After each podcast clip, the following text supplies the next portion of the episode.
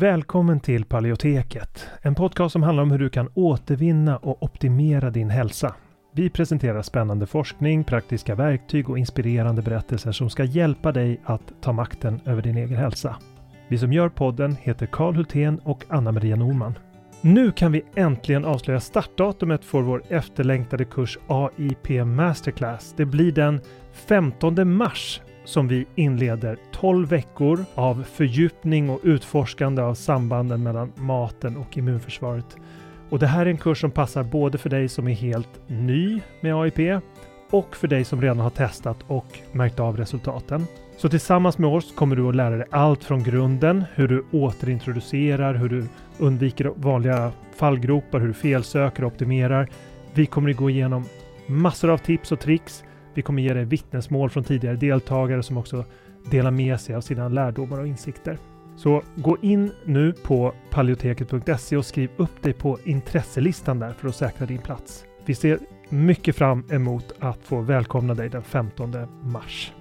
Innan vi kör igång med dagens tema vill jag påminna om att den här podcasten har ett utbildande syfte och inte utgör medicinsk rådgivning.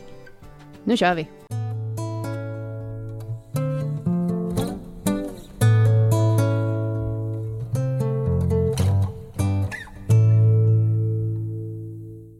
Här avsnittet kommer vi att prata om en studie som kom i juli 2016 och som publicerades i tidskriften GUT. I studien har man studerat hur vete, korn och råg påverkar personer som säger att de mår dåligt av dessa spannmål, men inte har celiaki. Man kallar det för non-celiac wheat sensitivity och översatt kommer vi att kalla det för vetekänslighet. Men för att göra det lite krångligt gäller det här alltså de tre spannmålen vete, korn och råg. Alla de här spannmålen innehåller gluten, men de innehåller också andra proteiner som också kan vara skadliga. Så man begränsar sig alltså inte till att prata om det som man tidigare kallade för non-celiac gluten sensitivity eftersom man inte kan säga vilket protein det egentligen är som är skadligt. Nu följer alltså en intervju med Karl där han ska grotta ner sig lite i den här studien.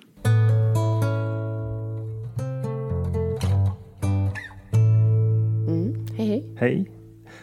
Um, och vi ska prata lite grann om den här studien för att um, Eh, det här är någonting som berör väldigt många med autoimmun sjukdom och immunrelaterad ohälsa. Eh, känslighet mot gluten blir allt vanligare och i takt med att det blir allt vanligare så sker det också motreaktioner med förlöjligande eh, av, av personer som väljer att utesluta personer, eh, utesluta eh, gluten ur kosten. och inom sjukvården så råder tyvärr väldigt stor okunskap när det gäller eh, potentiella hälsoeffekter av vete på förskolor och skolor så krävs det också, eh, läkarintyg och de där läkarintygen är baserade på ett fåtal blodprov.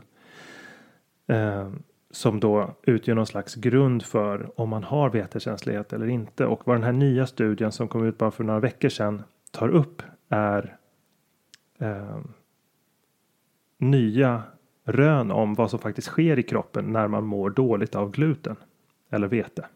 Jag säger fel hela tiden. Det, det jag ska säga är vete. Um, men det finns i och för sig gluten i vete? Ja, det finns men, gluten men den här i vete. studien handlar specifikt om vete? Är det så? Eh, den, den handlar specifikt om vete, korn och råg. Ja. Mm. ja, då är det inte bara vete. Uh, nej. uh, det, det, det, är snurrigt det här, det kan ja, vi ju konstatera. ja, men jag tänkte att vi, innan vi ens drar igång så, så tänkte jag att det, det jag kommer säga är vetekänslighet och vad det då betyder i studien är non-celiac wheat sensitivity som är någon slags eh, eh, ja, ny diagnos kan man väl mm. kalla det för i den här studien. Och idag så är den enda känslighet som räknas inom sjukvården just förekomsten av vissa antikroppar som celiaki, alltså glutenallergiker har i sitt blod.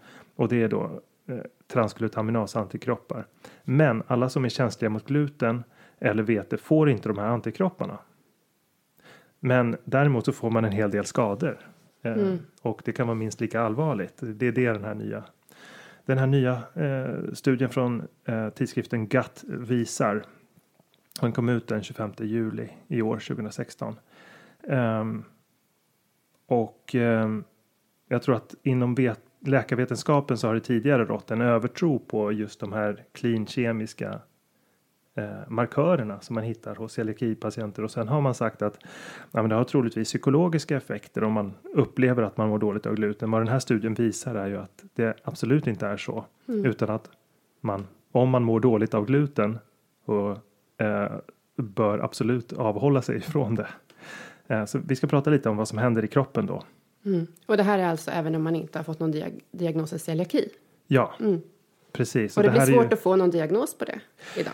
Ja, och det kommer inte bli lättare precis efter den här studien för att de här markörerna som man mäter eh, går inte att få beställda Mm. genom landstinget. Så idag innebär det i praktiken att barn som kanske skulle behöva äta glutenfri kost i skolan eller vetefri kost, de kanske inte kan göra det. De det. kan inte få det Nej, idag. för de Eh, behöver, för ofta behöver man läkarintyg. Det är väl olika kommuner, man får välja lite enligt Livsmedelsverket läste jag. Att ja, kommunerna själva kan välja lite hur de vill göra. ja, precis. Det är väldigt olika regler och de tillämpas Mm. på olika sätt i olika kommuner. Mm. Men vad, vad, vad som har varit känt sedan länge det är att gluten och andra proteiner som finns i vete kan aktivera immunförsvaret och sätta igång autoimmun sjukdom. Och då hos de här genetiskt känsliga personerna som kan få celiaki Ehm, så, så kan det ske enligt ett visst förlopp som har varit ganska detaljkänt ehm, ehm, hur det går till. Men det finns samtidigt ett stort antal individer då, som får eh, andra markörer i blodet. De som markörer som man inte letar efter eh, med de blodprov som finns idag.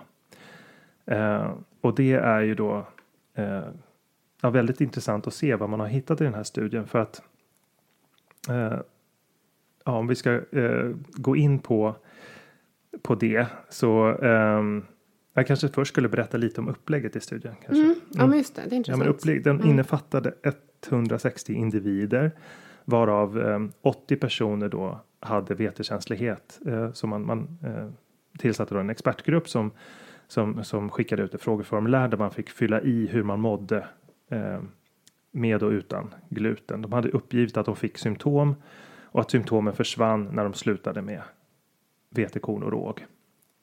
Eh, och de här personernas eh, symptom var då uppblåst mage, magsmärtor, diarré, illamående. Och eh, sen fanns det också, det var magsymptomen och sen de kognitiva symptomen var eh, huvudvärk, ångest, minnes och kognitiva störningar och känselbortfall var de. Det, här- det här var de vanligaste symptomen i formulären då av Mm. personer som mådde dåligt av gluten. Utmattning också va? Utmattning också, Mm. just det. Det var viktigt att komma ihåg. Mm. Ehm, och ehm, 20 personer av den här av gruppen med, ja just det, jag glömde nämna det, att det var 80 personer då som uppfyllde kriterierna som, som alltså hade glutenkänslighet men som inte hade celiaki. Mm. De 80, per- av de 80 personerna så testade man 20 före och efter vetedieten. Mm. Alltså sex månader efter testar man också. Man testade, man testade, var det sex månader som de inte åt vete eller? Ja, exakt. Mm. Det Okej. var bara 20 så, Mm. eh, så tog man blodprover för, eh, under kostens under att de hade en vetekost Mm. och efter att de hade. Och, eh, 40 personer var då friska frivilliga och 40 personer hamnade i eh, celiakigruppen. Mm. Man kollar på de här olika eh, blodproven och vad man då eh, jag har studien med mig här så jag, jag kan inte helt chansa ur minnet på Det vad som stod låter där. som att du bläddrar. Ja, men det är exakt vad jag gör. det är mycket diagram och det är mycket att tyda i den här studien. Men vad man då, det, det främsta som jag tycker man, man, man, om man går till, vi hoppar lite till resultaten här. Det var ju att man hittade då både tecken i blodet på eh, förekomst av Eh, alltså man, man hittade dels inte de här eh, transglutaminasantikropparna överhuvudtaget och det var ju exklusionskriterium så att det var inget konstigt att man inte hittade det utan det bekräftade bara eh, Det var det här celiaki, eh, Celiaki. mm. Ja, man hittar inte heller celiaki-generna. Det, det finns HLA-DRQ2 och 8 Mm. eh, som, som då hör till celiaki. De generna eh, hittade man bara i celiakigruppen. Men vad man hittade då, det var väldigt stora mängder antikroppar mot gliadin som är ett fragment av gluten. hittar man både i vetekänslighetsgruppen och celiakigruppen, alltså massor med antikroppar som både IgG-antikroppar och IgA-antikroppar samt IgM-antikroppar som rör sig över membran. Alltså, Mm. eh, och det här fick då författarna att misstänka att ja, men här finns det någonting när det gäller tarmväggen. Alltså Mm. det här, så här ska det inte se ut och de hälsosamma eller vad ska man säga, den friska frivilliga, de fick inte de här antikropparna lika mycket, men de fick antikroppar. Det Mot- hade de innan, alltså innan de, den här gruppen som uteslöt, Ja. de hade det innan de tog Ja bort men det. precis. Mm. Så de har ju, de har ju det. Eh, eh, så att alla har ju antikroppar mot gliadin. Mm. Vilket är lite anmärkningsvärt. Vad jag. innebär att man har det? Ja men det innebär att kroppen är ute efter att bekämpa delar av gluten. Mm. Eh, och de här eh, vetekänslighetsgruppen hade ganska mycket av just IgG-antikroppar då som är. Eh, men inte nog med det utan eh, vad man då hittade som var specifikt för vetekänslighetsgruppen som inte celiakigruppen hade lika mycket av. Det var LBP heter det. Det är ett, ett protein som binder eh, bakteriefragment. Mhm. Eh, ett bakteriefragment som heter LPS då som är väldigt, väldigt. Eh, det är vanligt bland. Eh, det är då en polysackaridkedja som finns i bakterier helt enkelt och som eh, ja, består av fettsyror och lite kolhydrater och de, de finns hos gramnegativ, gramnegativa bakterier och när Mm. bakterier bryts ner eller tar sig in i kroppen då reagerar kroppen jättestarkt på LPS och, Mm. och eh, LBP då som var jätteförhöjt i vetekänslighetsgruppen. Mm. Eh, eh, det, det var inte, inte lika förhöjt i celiakigruppen så det betyder Mm. att här finns det en spridning av eh, bakteriefragment eh, i kroppen och det var ju också i form av endotoxinantikroppar, alltså ett annat fragment från eh, bakterier och antiflagellin-antikroppar. Som ett annan byggsten. Så det här bekräftades men, av men du tre menar, olika. är det liksom att de här bakterierna har kommit ut från tarmen då på något sätt? Ja, de, det, och det misstänkte man då. Ja, men här, det verkar som att eh, tarmens, eh, tarmväggen bryt, bryts ner här. Mm. Så vi måste gå vidare med att, Och egentligen mer hos vetekänslighetsgruppen än hos celiakigruppen? ja, mera. Jaha. De har större effekt. Eh, och vad man också då, vad, vad man också såg var att eh, man såg en aktivering av eh, eh, en interleukin som heter eh, CD14.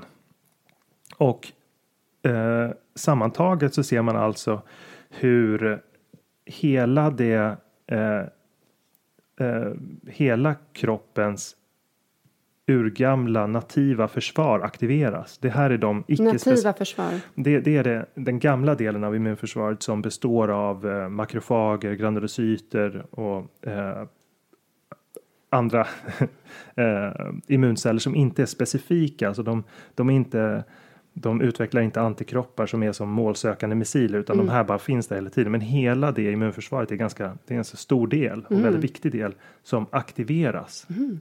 Och det är ju någonting som att hela kroppens arméer börjar kriga liksom i kroppen så att det här slås på. Det har väldigt negativa effekter, gör så man mår dåligt. Mm. Eh, och det här kommer då samtidigt som man ser att personerna uppger symptom. Mm.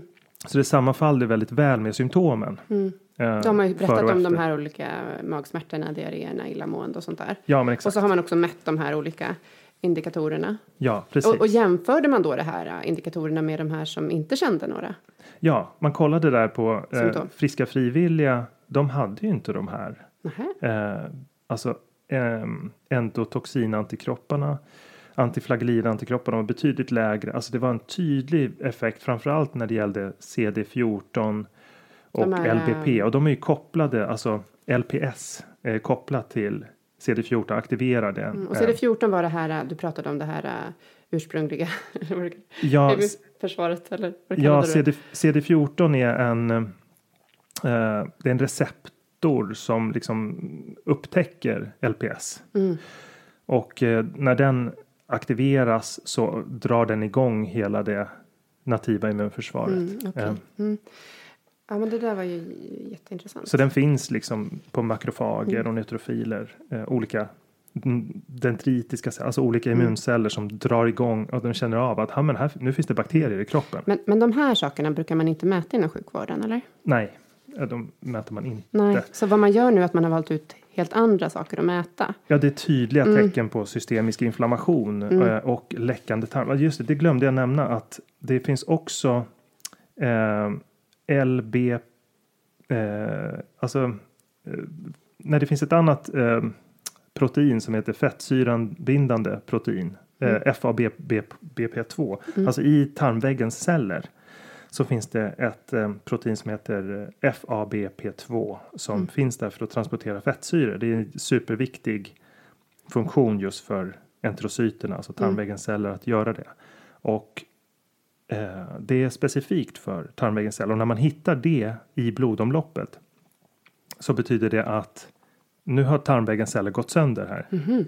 Så det är det man kan alltså bekräfta skada på tarmväggens celler eh, som är lika hög som den vid celiaki. Alltså de här FABP2 skadorna var lika hög i celiakigruppen som eh, för vetekänslighetsgruppen medan de friska frivilliga inte hade de här skadorna. Okej. Ehm, och Men det känns ju som någonting man borde mäta i sjukvården det här. ja, Det kanske är det som det skulle kunna leda till. Ja, precis. Alltså att immunförsvaret aktiveras i hela kroppen och att vi ser cellskador i tarmväggen samtidigt som att tarmen läcker och vi ser liksom bakteriefragment i blodet. Det är inte bra tecken och det är ju liksom inte några eh, riskfria tecken. Alltså det är ingenting som kan betraktas som okej. Eh, om man mår dåligt av gluten, eh, vilket de här personerna uppgav att de gjorde eh, före och efter sex månader. Ehm, så jag menar, ja, man, man, man bör ta fasta på de här data och kanske vidga. Ja, vi, man vet ju samtidigt att den här gruppen med vetekänsliga är lika stor eller större än personer med celiaki. Mm. Så, så hur stor är den här gruppen? Och, eh, ja, vad, vad man inte gick in på i den här studien var ju mekanismen. Alltså hur Mm. sker det här? Hur lyckas bakterier ta sig ut? Och hur går tarmcellerna sönder Mm. och sådär? Men det är ju ett tecken på, på läckande tarm eller eh, genomsläpplighet. Ja, exakt. Det är det det bevisar på något sätt. Eller? Ja, man, det var en annan väldigt intressant grej från studien som jag tyckte var som jag gärna eh, ville lyfta också. Det, och det, den återknyter till, vad, till andra tidigare studier.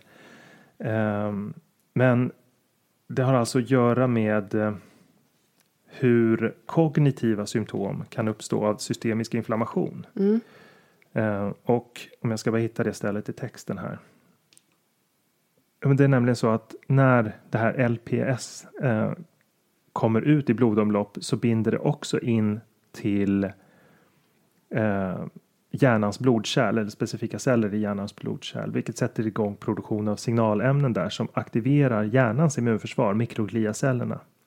Och samtidigt så uppstår då inhibitioner i vissa funktioner i hjärnan. Alltså, Inhibitioner, vad är det? Alltså att vissa funktioner hämmas. På, på samma sätt. Och det här har varit känt länge hos eh, HIV-patienter som får kraftiga kognitiva symptom av, eh, på grund av systemisk immunförsvarsaktivering. Mm.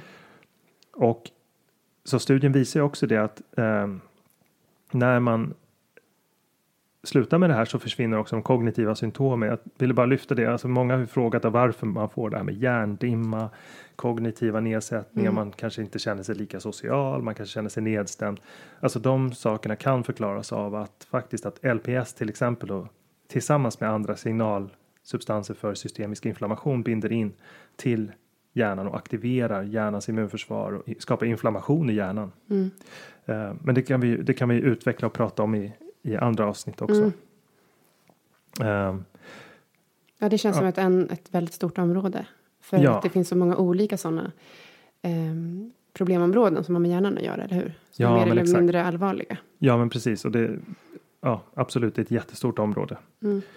Ehm, men ja, eh, ja, men sammanfattningsvis då så, så kan man väl säga att det säkraste man kan göra är att om man mår dåligt av gluten eh, utesluta det ur kosten. Ehm, och Och då handlar det om att inte bara ta bort vete då, utan vetekorn och råg. Ja, vete, korn och råg som Ja. har eh, nu kallar de det för vetekänslighet i den här studien, men de Mm. har ju faktiskt uteslutit vete, korn och råg. Mm. Ehm, och eh, det är väl ett sätt att förenkla. Nu, nu pratar vi inte längre om eh, gluten bara för att gluten har visat sig vara inte helt pålitligt när det gäller ja, vad, vad är det egentligen i vete? Är det just gluten som Mm. orsakar de här effekterna på immunförsvaret och tarmväggen? Det, det, det är inte det man testar när man Nej. tar de här veteprodukterna utan nu pratar vi mer och mer om vetekänslighet. Mm. Så då handlar det ju om att man egentligen inte kan äta de här glutenfria veteprodukterna som säljs i butikerna. Det skulle kunna betyda det. Mm. Mm. Eller den här studien talar inte om att så här, eh, du kan gå över till Nej, glutenfria den säger inte att man kan gå över till glutenfria ersättningsmjöler till exempel. Det finns ju någonting som kallas för naturligt glutenfritt. Ja, det är väl ett bättre, Ja. mycket bättre val. Precis. Ehm, Eh, nej men att eh, sammanfattningsvis, eh, det, hur kan man då ta reda på när det inte finns de här blodmarkörerna? Vi kan inte testa för ehm, LPS-bindande protein och CD14 aktivering eh, samt de här antikropparna mot flagellin och det är ganska specifika. man kan inte testa det i sjukvården. Nej, inte inom landstinget erbjuds Nej. inte det som rutinmässiga tester. Mm. Och eh, det alternativ som finns idag. må- Jag tänker så här. Utesluter man gluten i 30 till 60 dagar. Och sen återintroducera och mår dåligt av det. Mår man dåligt av gluten så löper man risk att få de här effekterna. Mm. Mår man inte dåligt av gluten så, ja, eh, så innebär det fortfarande en belastning för kroppen. Det, eh, men man får ju inte de här effekterna. Eh, det, det, det, man kan säga så här att det, det finns alltid en belastning av gluten på kroppen. Eh, vad man såg hos den, här eh, hos den här gruppen som mådde dåligt av gluten så såg man inte ett supertajt samband mellan symptomens grad och graden av aktivering. Alltså ja, graden av systemisk inflammation och eh, förstörelse i tarmen stod inte i relation till symptomens grad hos de personer som hade vetekänslighet. Och jag förstod inte det här riktigt. Nej, alltså eh, mår man dåligt av gluten så är det bättre att bara utesluta. Det är inte så här, mår man lite dåligt av gluten Mm. så har man lite skador. Så är det inte. nej, nej. nej. Det Okej. kan vara, mår man lite dåligt av gluten så kan man ha mycket skador också. Mm. Det är väl det om jag ska försöka förenkla. Ja, ja, men då förstår jag. Eh, Men man kan egentligen inte säga någonting om den friska gruppen där. Alltså Nej, så vad som alltså- händer i kroppen hos dem, det säger Jo. inte studien eller? Nej, ehm, eller jo, man, man kan hitta att de hade antikroppar mot eh, gliadin. Alltså Mm. det, det finns antikroppar mot eh, glutenfragment där, både IgA, IgG och IgM. Ehm, det finns antikroppar mot eh, endotoxin hos den hälsosamma grupp, gruppen, alltså IgG-antikroppar mot eh, endotoxin. Eh, alltså man kanske det- inte kan säga någonting om det är hur allvarligt, hur allvarligt det där är. Liksom, Nej, det är svårt att säga. Alltså Mm. det finns också en viss aktivering av CD14. Ehm, alltså, det, det är en stor skillnad mellan friska frivilliga och vetekänsliga Mm. när det gäller blodmarkörerna Mm. och Mm. effekten. Eh, den här, eh, just den här eh, förstörelsen av tarmväggen, alltså förekomsten av eh, fettsyrabindande eh, protein i blodet. Eh, ska se om jag hittar den. Eh, den, där har vi den. Eh, den var inte alls så stor hos häls- friska frivilliga. Alltså frisättningen av eh, Alltså förstörelsen av tarmceller verkar inte vara något problem hos, det är in, man hittar inte någon förstörelse av tarmceller där. Mm. Men däremot hos både celiakipatienter och vetekänsliga så hittar man förstörelsen. Ja, men jag tycker man får mycket tankar liksom av det här. Och det, alltså det låter så enkelt det där att man skulle kunna, om man har problem med gluten så skulle man kunna testa att utesluta det i 30 till 60 dagar. Mm. Eh, Det är enkelt för vuxna, men det är inte så enkelt för barn.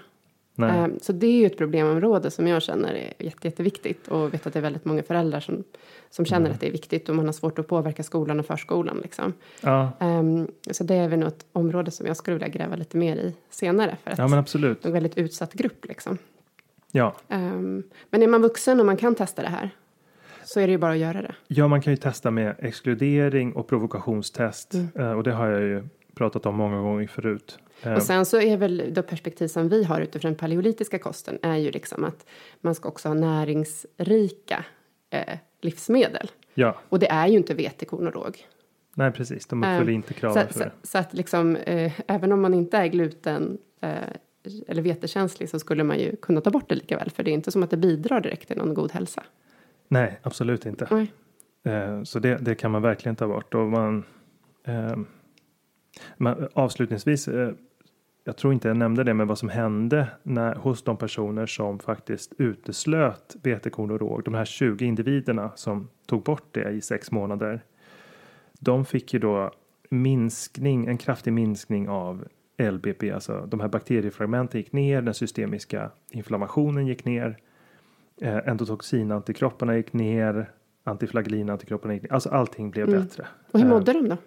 Jo, men i takt med att eh, symptomen också försvann. De försvann eh, efter de här sex månaderna. Ja, alltså precis. Eh, Mm. Om jag inte minns fel. Jag tror det. eh, jo, men alltså. Man får eh, läsa studien. det var, jo, men det var eftersom det var ett nära samband mellan just de här blodmarkörerna och Mm. symptom har jag ju berättat. Det stod ju på ett annat ställe i studien. Mm. Eh, Ja, men jätteintressant. Jag tycker Mm. att vi kanske rundar av där. ja, Och sen länkar vi såklart till studien också i anteckningarna från eh, det här avsnittet. ja, det gör kan vi man absolut. grotta ner i den Precis. lite mer. Ja, Tack för att ni har lyssnat. ja, tack. Hej då. Hej då. Tack så mycket för att du har lyssnat på det här avsnittet av Paleoteket. Vi hoppas att det har varit till nytta för dig. Om du vill få hjälp att uppnå dina hälsomål står vi redo att hjälpa dig. Vårt medlemskap Hälsodetektiverna är en gemenskap online där du träffar likasinnade, får hälsoinspiration hela året och kan ställa frågor direkt till oss på våra medlemsseminarier. Nu under våren startar också två onlinekurser. AIP Masterclass är kursen för dig som vill lära dig allt du behöver veta om kostupplägget AIP, autonomt protokoll, samtidigt som du blir guidad genom en stegvis process med både läkningsfas, utvärdering och återintroduktioner. Sen har vi kursen Maghälsa på djupet som riktar sig till dig med IBS och misstänkt eller konstaterad SIBO. Vi fokuserar helt på vad du kan göra med kost, livsstil och strategiskt utvalda kosttillskott. För dig som föredrar att läsa finns också våra fyra böcker. Besök paleoteket.se för att veta mer och glöm inte att prenumerera på vårt nyhetsbrev. Du hittar länkar i beskrivningen till podcastavsnittet.